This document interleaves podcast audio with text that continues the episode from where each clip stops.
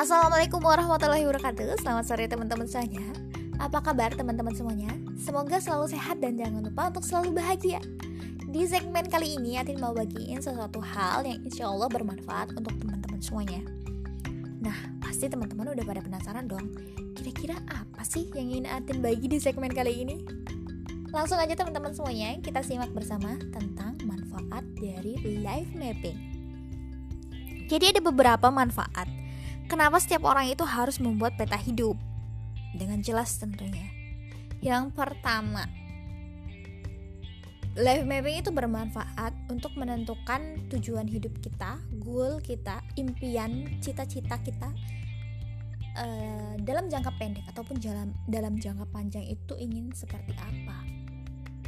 Dan untuk mencapai tujuan tersebut, kita nggak boleh buru-buru karena kita harus melakukannya step by step. Mengapa? Karena ini sangat berpengaruh dalam menentukan hasil akhirnya seperti apa. Kesuksesan dan keberhasilannya itu sudah sempurnakah sesuai dengan keinginan kita? Itu tergantung dari prosesnya, teman-teman. Jadi, menghargai proses itu sangat penting gitu kita nggak boleh asal-asalan dalam berproses. Kalau mau hasilnya juga nggak asal-asalan gitu. Jadi proses itu setara dengan hasil atau bahasa yang umumnya itu adalah hasil tidak akan pernah mengkhianati usaha. Gitu teman-teman.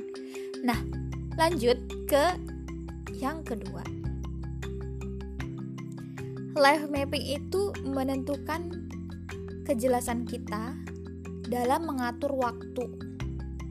Seberapa lamakah kita akan berproses dalam mencapai tujuan hidup kita?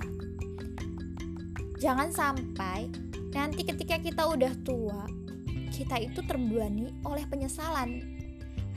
Penyesalan kenapa dulu aku di masa mudanya itu nggak mempunyai kejelasan hidup kenapa aku nggak punya kejelasan cita-cita dari impian gitu?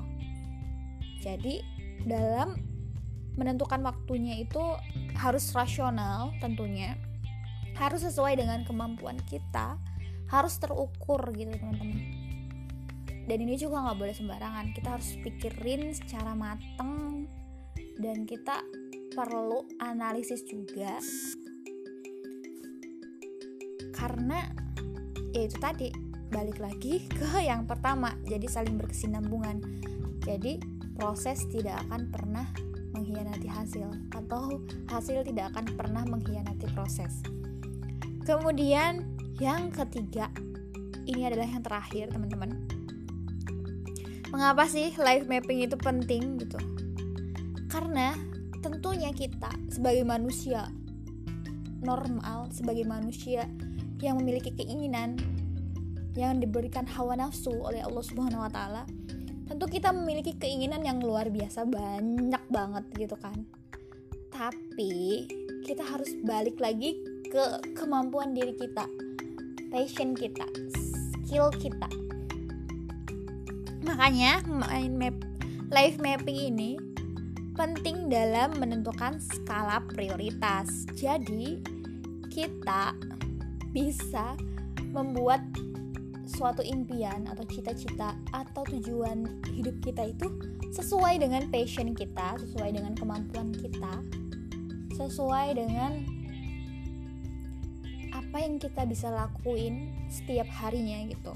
Dan itu nggak ngebebanin kita dan itu kita bisa enjoy dengan hal itu gitu. Seperti yang sudah dicontohkan oleh sahabat Rasulullah Shallallahu Alaihi Wasallam Bilal bin Rabah radhiyallahu an. Bagaimana sih contoh dari beliau? Jadi beliau itu menyadari keterbatasan dirinya. Oleh karenanya, ia menentukan suatu amalan yang menjadi amalan rutinnya setiap hari. Apa sih amalan itu gitu? Amalannya yaitu ia selalu menjaga wudhu dan sholat sunnah dua rakaat setelahnya jadi itu dilakukan oleh uh, sahabat Bilal bin Rabah radhiyallahu an setiap hari gitu teman-teman Oke teman-teman, dari Atin segitu aja dulu. Semoga bermanfaat. Semoga kita bisa ketemu lagi di segmen berikutnya. Atin akhiri, wabillahi taufiq wal hidayah. Wassalamualaikum warahmatullahi wabarakatuh. Bye bye teman-teman semuanya.